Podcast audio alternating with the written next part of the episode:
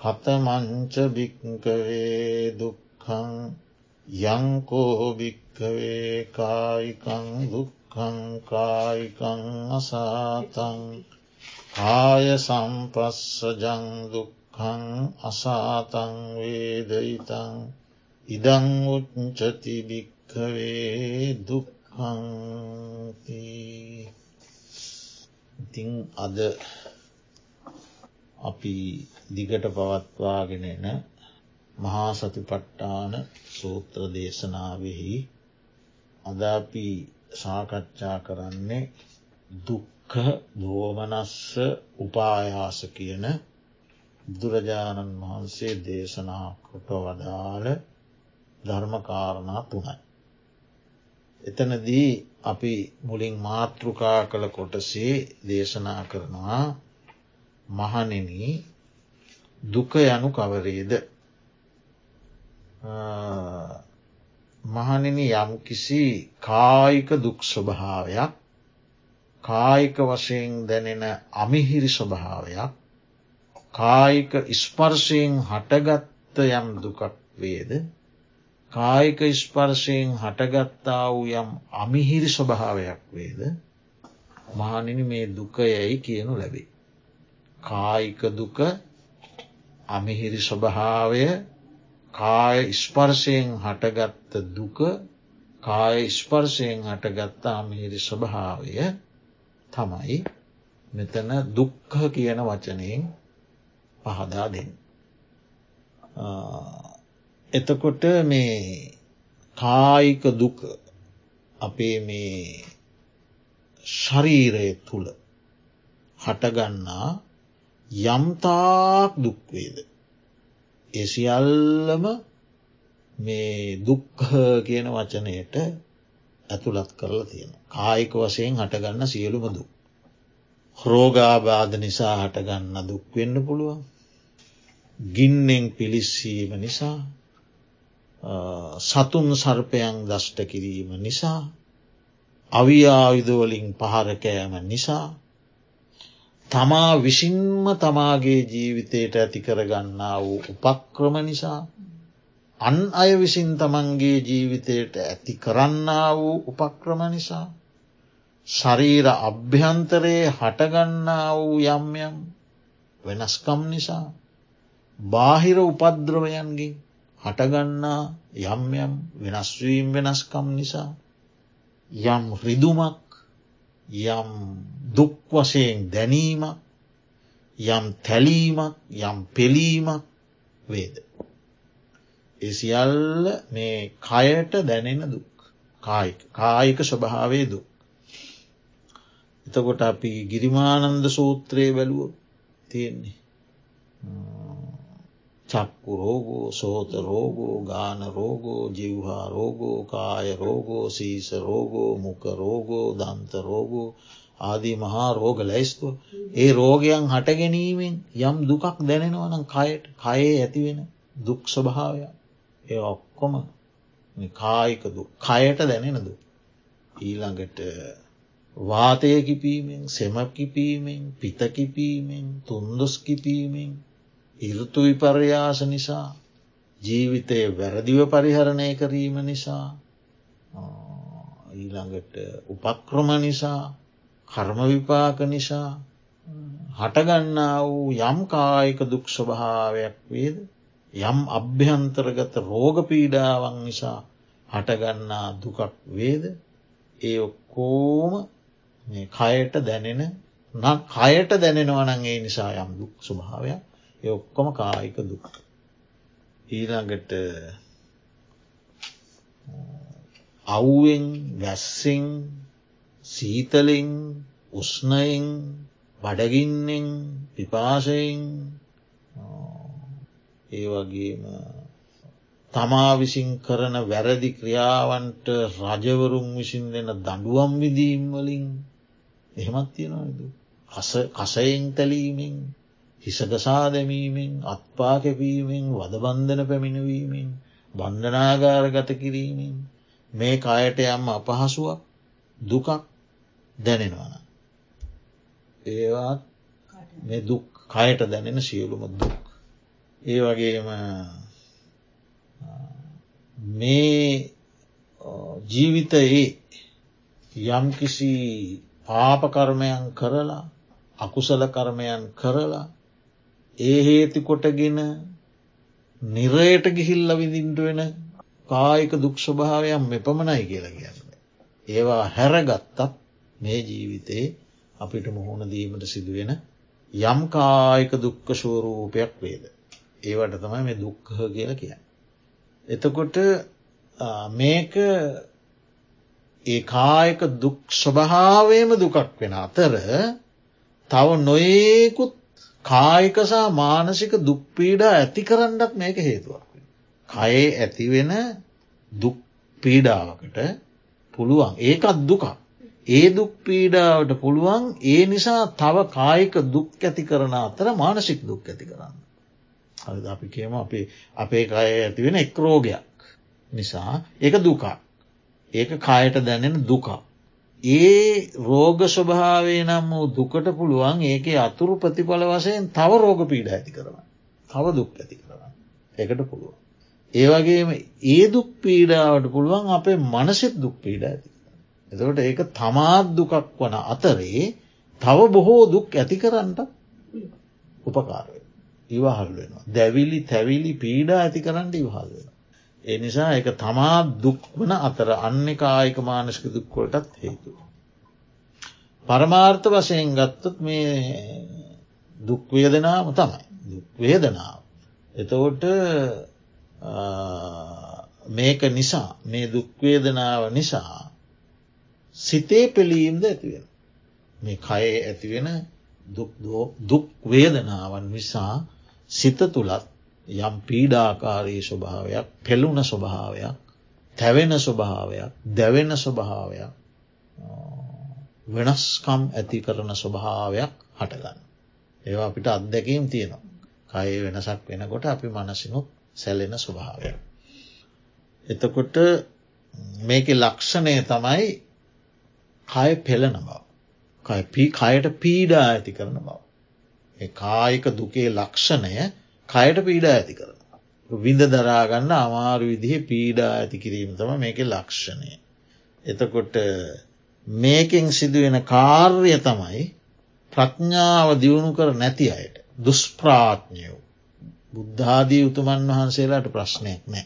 ප්‍රඥාව දියුණු කරලා නැති අය මේ කයට දැනෙන පීඩාව නිසා විඳවනවා. විඳවනවා කියලක. එක මනසිම් දුම්න්නස ඇති කරගෙන ඉතින් පැත්තකට වෙලා විඳවන ස්වභාවය.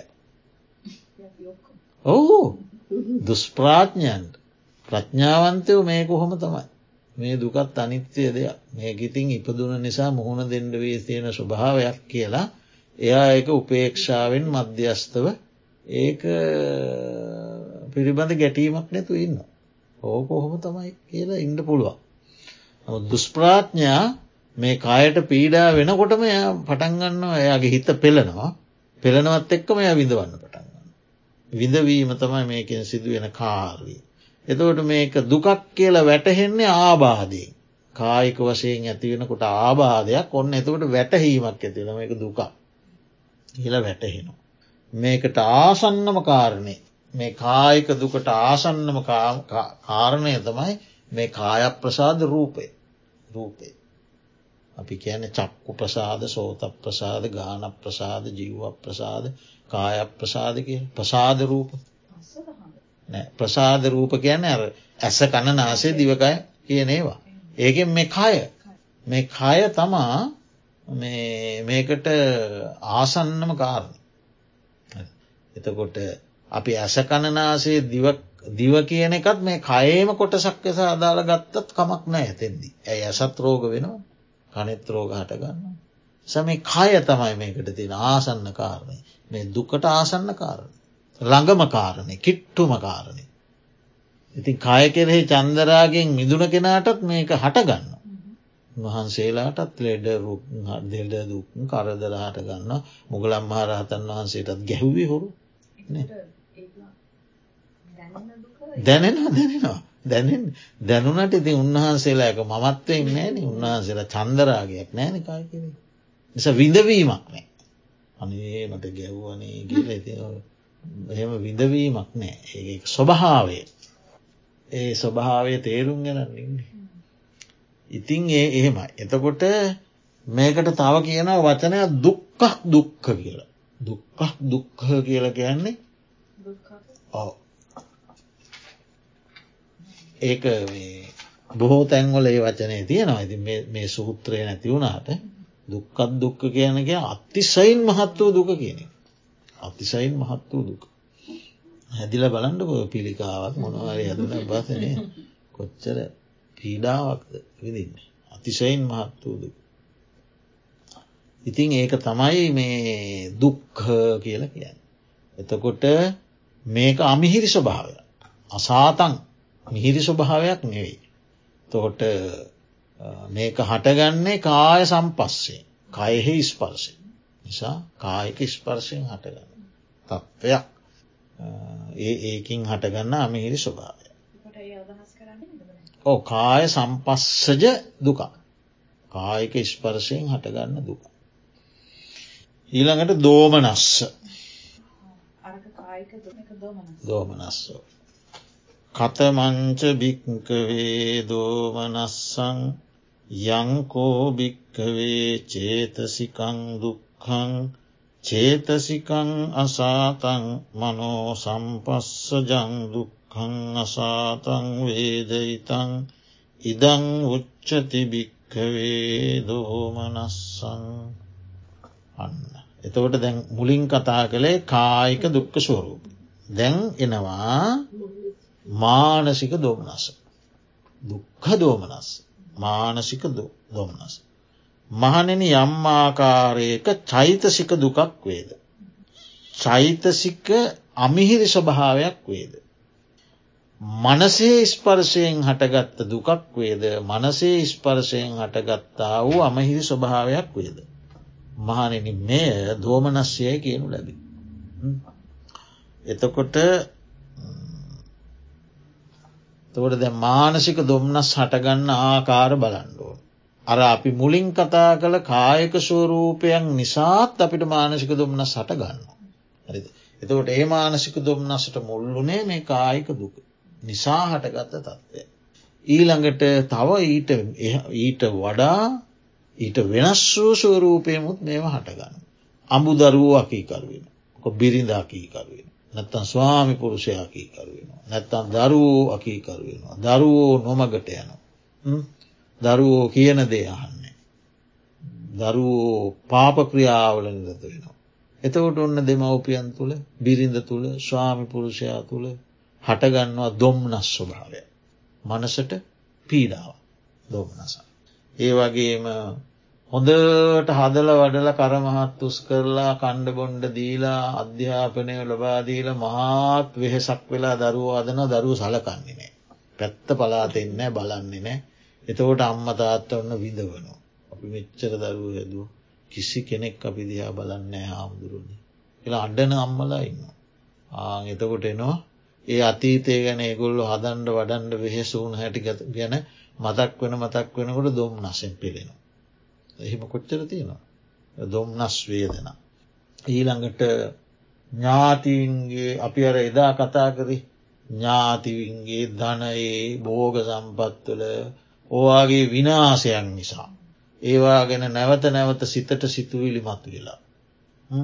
ඒ සිතුවිලි අනිත්‍යාදී වසයෙන් මෙනේ කරලා ඕ හොම තමයි ජීවිතය ස්වභාවය කියලා ඉවත් කරගන්නඩ දන්න නැති කෙනාට. ඒ ස්වභාවය නිසා ඔන්න හටගන්නවා දොම්නස්. ඒ වගේ විනාශයන් විපත් කරදර මනසට නැවත නැවත මතුවෙලා මනස දොම්නසින් පෙළෙනවා. ඊළඟට තමාම සිදුකරගන්නා වූ තමාම සිදුකරගන්නා වූ පාපකර්මයන් තමන් පව් කරන. ඒ පාපකර්මයන් පසුව තමන්ගේ මනසට මතුවෙන. මතුවෙලා ඒක අතීත වශයෙන් ඒ මගේ නොදන්නාකමට ක්ලේෂ බහුලත්වය නිසා එහෙම වනා නමුත් ඒවා අතීත සංස්කාර මම දැන් නිවැරදි වෙන්ඩෝනේ කියලා ඒක කල එක ඉවත් කරගණ්ඩ ඒ අනිත්‍යාදී වශයෙන් සලකා බලන්න. නොදන්නා පුහුදුන් කෙනාට. ඒ පාපකර්මයන් මන්නසට මතුවෙලා ඔන්න දොම්නසින් පෙළෙන්න පටන්ග. එහෙම දුම්නසේනවා. එතකොට මේ විදියට ඉවසිය නොහැකි. අසාතන් ඉවසන්ඩ අමාරු තරමේ අමිහිරි දොම්නසක් හිතට නැගෙනව නම් අන්න ඒ අමහිරි ස්වභාවය මේක මනසේ ස්පර්ශයෙන් තම හටගන්න. අර කායක ශෝරූපයන් බාහිර ශෝරූපයන් හේතු වනාට මනස ස්පර්ශයෙන් තමයි මේ දුම්නස හටගන්න. එතකොට උසස්වීම් නොලැබී යාමි. විභාග අසමත්වීමි ඔය දරුවයින් විභාගේ බලාපොරොත්තු දියට සමත්වෙන්නේ. ඉතිං පුළුවන්තරන් දේශපාලඥොන්ටත් කඩේ ගිහිල්ල බැලුවට උසස්වීමක් බලාපොරොත්තුනට ඔන්න ලැබෙන්නේ. තුට බිසිඳ ගෙදරාව එතනත් දෝසාරෝපනය කරන ඔහෙ ඔච්චර බෙහෙසිලා හොයට කෝ උසස්වීම ඒ ඔන්න දොම් නසින් පෙළෙනවා. හරිද තොර ස්වාමි පුරුෂයට උසස්වීමන් නොලැබීම හේතුකරට බිරිඳත් දුම් නැසින් පෙළෙන්න පටන් ගන්න. ඔය වගේ හේතු නිසා මානසික දෝමනස්සයනවා. ඊළඟට තමන්ගේ රූපේ ලස්සන නැත්තම් අවලස්සන භාවය නිසා. ඒක ගැන හිතලා ඔන්න දුම්නසින් පෙළෙනවා. අනිත් අයගේ වගේ මගේ රූපය ලස්සන නෑ කියලා ඒ විදියට පෙළෙන. ඊළඟට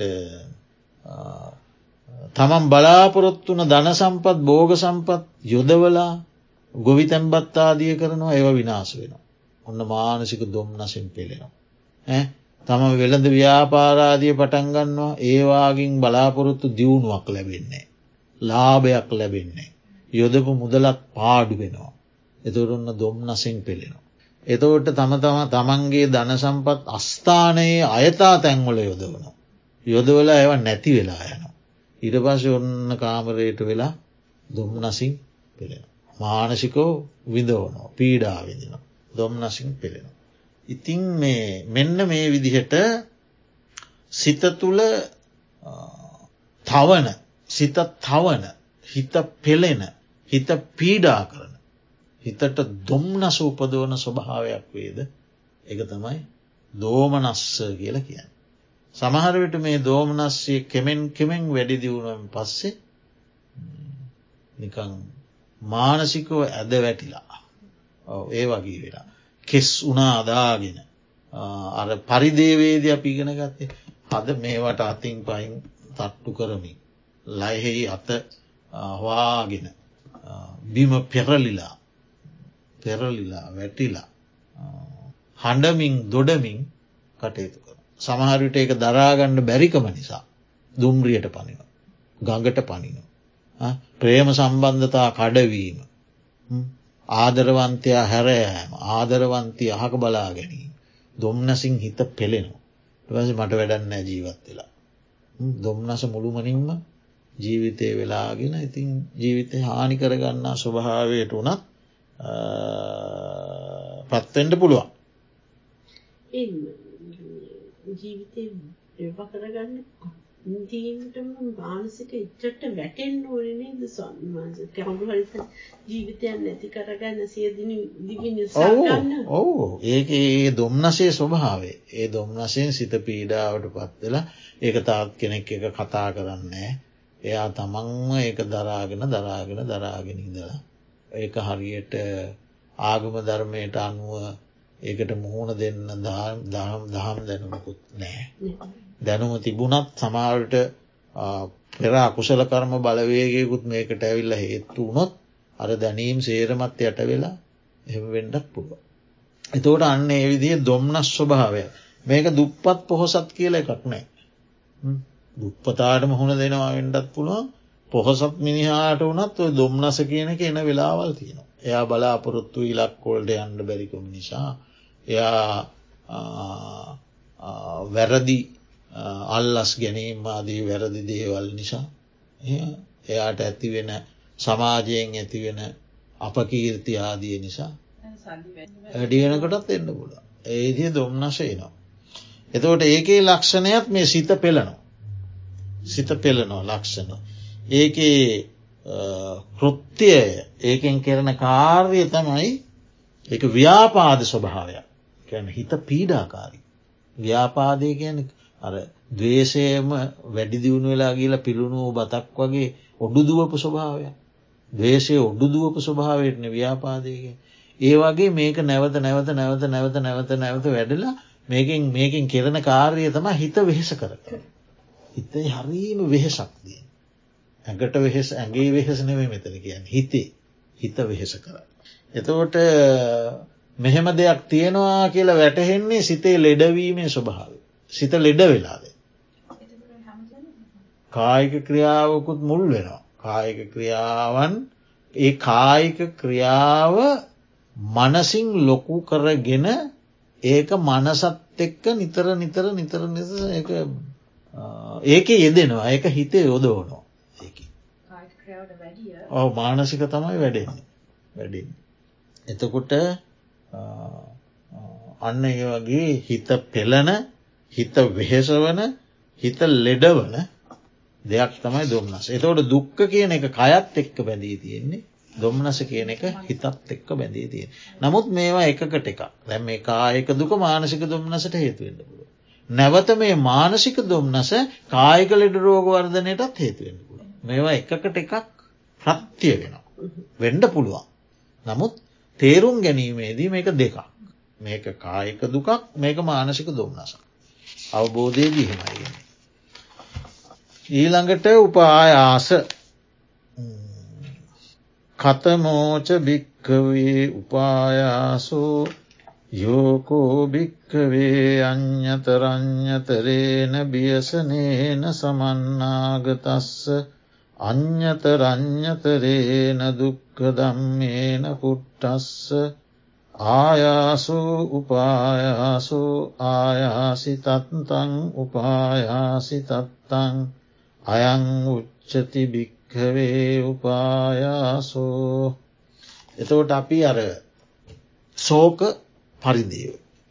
ඒ දුක් දෙකේදී අපි ඉගෙන ගත්ත මේ ව්‍යසන පහක් ඥාති ව්‍යසන රෝග ව්‍යසන බෝග ව්‍යසන සීල ව්‍යසන දිට්ටි ව්‍යසන කියලා. එන්නේ ව්‍යසන නිසා දරාගන්නට බැරි විදියට. ඒ විපත් නිසා හිතේ ඇතිවෙනවා අර සෝක පරිදේවලට වඩා උග්‍රයිමයක. හරිද. ඒ තමන්ට දරාගන්න බැරි විදිහට හිතේ ඇතිවෙනවා මහා වෙහෙස කර ස්වභාවය. එයව් ඊතත් වඩා වෙහෙස කරසුම. පරිදේවේදී හඬනවනි මේ උපායාසේදී අඩන්නේ නෑ. මේක හිතෙන් තමයි විඳින්නේ. මේක උග්‍රතත්වයක් උග්‍රතත්වයක්. එතකොට සිතෙහි අටගන්න දැඩ්ඩි කෙර වෙහෙස බවක්. දැරිය නොහැකි තරම් වෙහෙස බව. එතකොට ඒකට ගෙන ආයාසය කියලා. ආයාස. උපායාස කියන්නේ එහිම වර්ධනයක් තවත් වර්ධනය වෙලා බල්ලවත් වෙහෙසක්. ඊළඟට ආයාසි තත්ත කියන්න වෙහෙසට පැමිණි ස්වභාවයක්. ඒ සමාන වචන මේවා පොඩි පොඩි වෙනස්කන්තිීද වෙහෙසට පැමිණි ස්වභාවයක්. ඊළඟට උපායාසිතත්ත කියන්නේ දැඩි වෙහෙසට පැමිණි ස්වභාවය. එතකොට වෙහෙසක් බලවත් වෙහෙසක් වෙහෙසට පත් ස්වභාවයක් දැඩි වෙහෙසට පත් ස්වභාවය. වේද? මේකට කියන උපායාසය කිය. වර්තමාන මනෝවිද්‍යාව අපි විසාදය කියල කිය බලාගත් ඇති හෝ බලාගෙන. විසාද ස්වභාව මනෝවිද්‍යාව. විසාදය කියන මානසික රෝග ඇති ඕ බලාගෙන. අනේ විසාද තත්ත්වය. අර අනිත්තේ වගේ දැන් පරිදේවේදී සෝකයේදී තිබ්බන හැඩුණු ස්වභාවය මේක අඩන්නේ. මේක තියෙන්නේ මේකත් මානසිකතම. මේක තියෙන්නේ සුසුම් හෙලමින් බලාගෙනන්න. සුසුම් හෙළක හෙළහෙළ බලංගින්න. කඳුළු නෑ. ඇතුළෙන් විඳවනවා. තට විසාදය ස්වභාවයමන. එතකොට සමහරවිටක ආහාර රුචි නෑ. කණ්ඩ බෑ. ගෑම ගන්න ඕන්න ඒවට ප්‍රිය නෑ. අත්තකොට පානවර්ගවලට ප්‍රියනෑ ආහාරෝල්ට ප්‍රියනෑ. එදනෙදා වැඩ කටයුතු ඒවා නිසි පරිදි කෙරෙන්නේ. එය කැමති පැත්තකට වෙලා සුසුම් හෙළහෙලයි උපායාස. එතකොට සමහර විටක සිහිය නෑ. කරන දේවල් වල එයාට සිහිය නෑ. සමහරකට සිහි මූර්චා වෙලා වැටෙන්න්නත් පුළුව. එම ක්ලාන්තය වගේ හැදිලා සිහි මූර්ෂා වෙලා වැටෙන. දැඩ්ඩිසේ උග්‍රවුණොත් හරදේවස්තුව එකන්න අපි කියන්නේ එකට මොකක්ද කියන්න? නහර පුපුරලා නහරයක් පුපුරලා මැරුණ කිය එකට ධර්මය කියන්නේ ධර්ම ග්‍රන්ථෝල තියෙන ලය පැලී මැරුණ කිය හරි. ලය පැලිලා මැරෙනවා කියන හද පැලෙනවා. එත හද කියන නහර පැලෙන.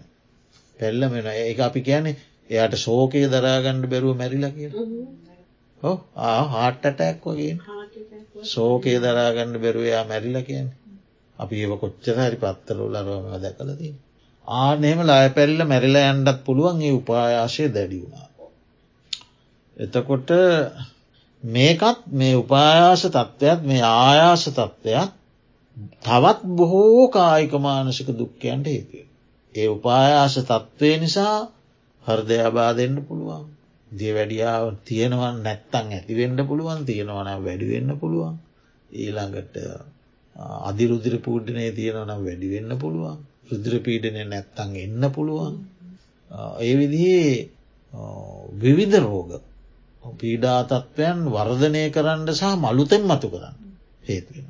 එතනින් නො නැවති මේ මානසික ස්වභාවතාව දිරීට ගයොත් ඊට පස්සේ මේ කොන්්ඩෙ ගුතාගෙන කොන්්ඩ පීරන්නේ නෑ මොකුල් නෑ දුම් හෝදන්නේ නෑ පිස්්ුවගේ විදි බෙහෙත් කරන්න බැරි තත්වයට ප්‍රතිකාර නෑ සම්පූර්ණ විකෘතියක්. මේ තත්ත්වයවත් මේ විසාදය කියන මට්ටමනුත් පාලනය නොවී මේ තව තවත් වර්ධනය වුණොත් කායික රෝගත් වැඩි වෙලා මානසික රෝගත් උග්‍ර වෙලා ඒ මානසික රෝගය තනිකරම උමතු කෙනෙක් ස්වභාවයට පත්වෙන්නටත් ඉලදීම. ඉතින් දුක නෙවෙයිද? දුක තම මේකත් දවේශයේම අවස්ථාව දවේශය දේශය කියන්නේ මනසේ ඇතිවෙන දුෂ්ට ස්වභාවෙන මනසේ ඇතිවෙන ගැටීම් ස්වභාවෙන් දවේශ සිත ඕ හෝ පටිගයෙන් මතු දෙයක්. සිත් වසයෙන් ගත්තොත් දවේශ සිත ලෝභ සිතක් නෙවේ මේ දවේශ සිතක් ඉතින් දේ දවේශ සිත එක්ක මෝහයක් දවේශයයි මෝහැස් මෝහයේ උදව්වත් තියෙනවා සිත් වසයෙන් ගත්තම දවේශය. එතකොට මේක ලක්ෂණය තමයි සිතෙහි අධීක දාහයි. සිත දැවෙන. පිච්චිලායනවා වගේ දැවුණ ස්වභාවය. කෘත්තිය තමයි අපි තත්තනනවා කියල කිය සුසුම් හෙලන තතනනවා සුසුම්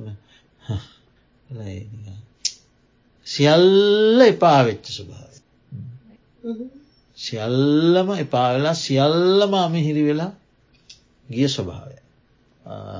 මේක එහෙම තත්ත්වයක් තියෙනව බව වැටහෙන්නේ මෙයාගේ නිකන් තියෙන්නේ මේ දීන ස්වභාවයක්. ඉදිරි පත්වෙන්නේ නික බැගෑ පත්වෙලා අසරණ වූ බලාගත්තත බලාගෙන අසරණ බැගෑපත් ස්වභාවය අධීක කලකිරුණු සියල්ල එපාවගේ එහෙම ස්වභාවය. එතවට මේ කලකිරීම කියන එක තියෙන යහපත් පැත්තකු. ඒ යහපත් පැත්ත තියෙන නිවන පැත්තට. ඒ නිබ්බින්දති. ඒ නිබ්බිඳාව සංස්කාරයන්ගේ අනිත්‍යතාවය තේරුම් ඇරී ගැනීමෙන් ඇතිවෙන කලකිරීම. මේක නෙවේ. ඒක වෙන. ඒක ඇවිල්ල නිර්වාණයට උපකාරවන කලකිරීම. නෑ නෑ ඒක ඇවිල්ල කුසල පැත්ත එක. ඒක ඇවිල්ල කෙලි රිජ්ජුවම සංස්කාරයන්ගේ සහ සංස්කාර්තමයි. සංස්කාරයන්ගේ අනිත්‍යාදී ලක්ෂණ දැකීමෙන් කුසලච්චන්දයක් එක්ක ඇතිවෙන එක. එක නිබ්බින්දති. ඒ නිබ්බිඳාවවෙන්න විරාගයට උපකාර ධර්මය. එතකොට ඒ නිබ්බිධාවෙන් එන්න නොඇලීම. ඇලීම අතහැර. එතකොට තමයි මිදෙන්නේ. නිබ්බින්දං විරජ්ජති විරාගා විමුච්ච ඊට පසය මිදිලෑන. සංස්කාරයන්ට කලකිරුණා සංස්කාරයන්ගේ ඇල්ම නැතුව ගියා සංස්කාරයන්ගේ මිදුණා. මිදුනා කියලා තමන් දැනගත්තා. ඒක වෙනයි මේක වෙන. මේක තියෙන්නේ බලාපොරොත්තු කඩවීමක් හෝ බලාපොරොත්තු දෙයක් නොලැබීයාමක් හෝ වෙනත් යම් කිසි අභ්‍යන්තරික බාහිර උපද්‍රවයක් නිසා හෝ ඒවා නිසි ආකාරයෙන් ධර්මානුකූලව වටහාගන්නට ඇති නොහැකියාව නිසා ඇතිවුණ මානසික රෝගී ස්වභාව දැඩි දැඩි වෙහෙස කර අන්ද බන්ධ වන ස්වභාවය. තිං අන්න ඒ තත්ත්වය. එතකොට අටුවාචාරීන් වහන්සේලා දක්වනවා සෝකය මද ගින්නක තෙල් හැලියක් තියල තියෙන. මද ගින්නක තියල තියෙන තෙල් හැලියක් මැටි මුට්ටියකට තෙල් දාලා මද ගින්නේ තියල තියෙන. කෙමෙන් කෙමෙන් කෙමෙන් කෙමෙන් ඒ තෙල් රත් වෙනවන ඇතුළත. ඒ තෙල් බඳුන ඇතුළත රත්වීම වගේ සෝකි. මදගින්නේ තැබූ තෙල් හැලියක තෙල් ඇතුළෙන් රත් වෙනවා. ඒ වගේ තමයි සෝකය. එතකොට පරිදේව කියල කියන්නේ එතකොට මේ අර දැන් මද ගින්න ටිකක් වැඩි කරනවා. දැන් ඇතුළත රත්වවී තියෙනවා. ඉට වස මේ මද ගින්න ටිකක් ගින්න වැඩි කරනවා. ගින්න වැඩි කරාට පස්සේ මේ තෙල ඉක්මනට ඉක්මනට රත් වෙලා මේ තෙල පිටාර ගලන් පටන්ගන්න. හැලියෙන් පිටට වැගිරෙනවා. පරිදේවේ කියන පිටට වැකිරීම. හරි සෝකය කියන්නේ ඇතුලාන්තේ රත්ව වීතයද ස්වභාවයක්. පරිදේවේ කියන්නේ ඒ සෝකය පිටතට වැගිරීම. අත්තපානම ගාගන අන්ඩල ඔළුව හප්පගෙන පිටතට වැගිරෙනවා. තෙල් බඳුනේ තෙල් පිටතට වැගිරීම. එකන එක වැඩි දියුණු අවස්ථාව. උපායාසය කියන්නේ ඊට වෙනස් දෙයක්. දැන් මේ තෙල් බඳුනේ තෙල් ඔන්න ඉස්සල්ල ඇතුළත රත් වුණා ඉට පස්සේ ගින්දර වැඩි කිරීමෙන් පිටතට ගැලුවා. දැන් පිටතට උතුරායන් නැති තෙල් කොට ශක්තියනවාන. උතුරලා ගිහිල්ල ගිහිල්ල උතුරායන් නැති කොට ශක්තියන. ඒ ඉතුරායන් නැති කොටස හිමීට ඇතුළ වියලෙනවා. ඒක දැ මුට්ටියටම බැඳිලා. හරිද තට සෝකය කියන්නේ ඇතුළතරත්වීම පරිදේවය කියන්න තෙල් පිටට වැකිරීම. උපායාසය කියන්නේ පිටට වැගිරනේ නැති තෙල ඇතුලේ එහෙම මිදෙනවා. මිදල මුට්ටියත් එක්ක මුට්ටියත් එක්ක එකට සම්බන්ධය. උපායාසය කියන පිටතට නොවැගිරුණු සෝකේ. එක දැ ඇතුල්ලට ජීර්ණය වෙලා. අය ලියට ගලන්නේ. ඒක නිසා අඩන්නේ. එනිසා පිටතට සෝකයක් පේනෙත් උතුරන්න ඇතිල. එයා ඇතුළතින් දරාගෙන විඳගෙන සුසුම් හෙළහෙලා ඉන්නවා. උපමාව පැහැදිලි අටුවාචාරීන් වහන්සේගේ උපමා ඔච්චර සාර්ථක උපමාවත්. අන්න ඒක තමයි උපායාසය. එතකොට සාන්තිනායක සම්මා සම්බුදුරජාණන් වහන්සේ කියල කියන්නේ ඕවාට අවසද නියම කළ බේ සජ්ජගුරු වෛද්‍යවරයාන ශල්ල කත්තා අනුත්තර. අනුත්තර වූ සල්ලෙ වෛද්‍යවරයානු ලෝකයේ පහළ වුණ අති උතුම් සල්ලෙ වෛද්‍යවරය. පටාචාරාවට තිබ්බව තත්වේ ඇඳුමුත් නෑන නිරුවතින් ආය ඇයි? ස්වාමියත් නෑ දරුව දෙන්නත් නෑ අම්ම තාත්ත සහෝදරයුත් දැවෙනවා. යන්ඩ තැනන්නෑ ඉන්ඩ තැනන්නෑ අඳුරණ කෙනෙක් එතෙන්ඩයා ගන්නත් බෑ මෙතෙන්ඩයා ගන්නත් බෑ මෙහෙත් නෑ එහෙත් නෑ. එතවට පිහිට වෙන්ඩ කෙනෙකුත් නෑ. දොට දැන් මනසේ තියෙන්නේ දැඩ්ඩි උපායාසත. ආයාස උපායාස වෙලා දැන්තිය. දැ සෝකයේ තියෙනවා පරිදේවේ තත්ත්වයක් තියෙන උපායාස තත්වයක් තියෙන ද එයාට දෙයා දන්න එය කොහෙ දෙයන්නේ මොකක්ද කරන්න ඒ ස්වභාවන්නේ ටැසින් බුදුහාන්දුර ළඟට ආවේ.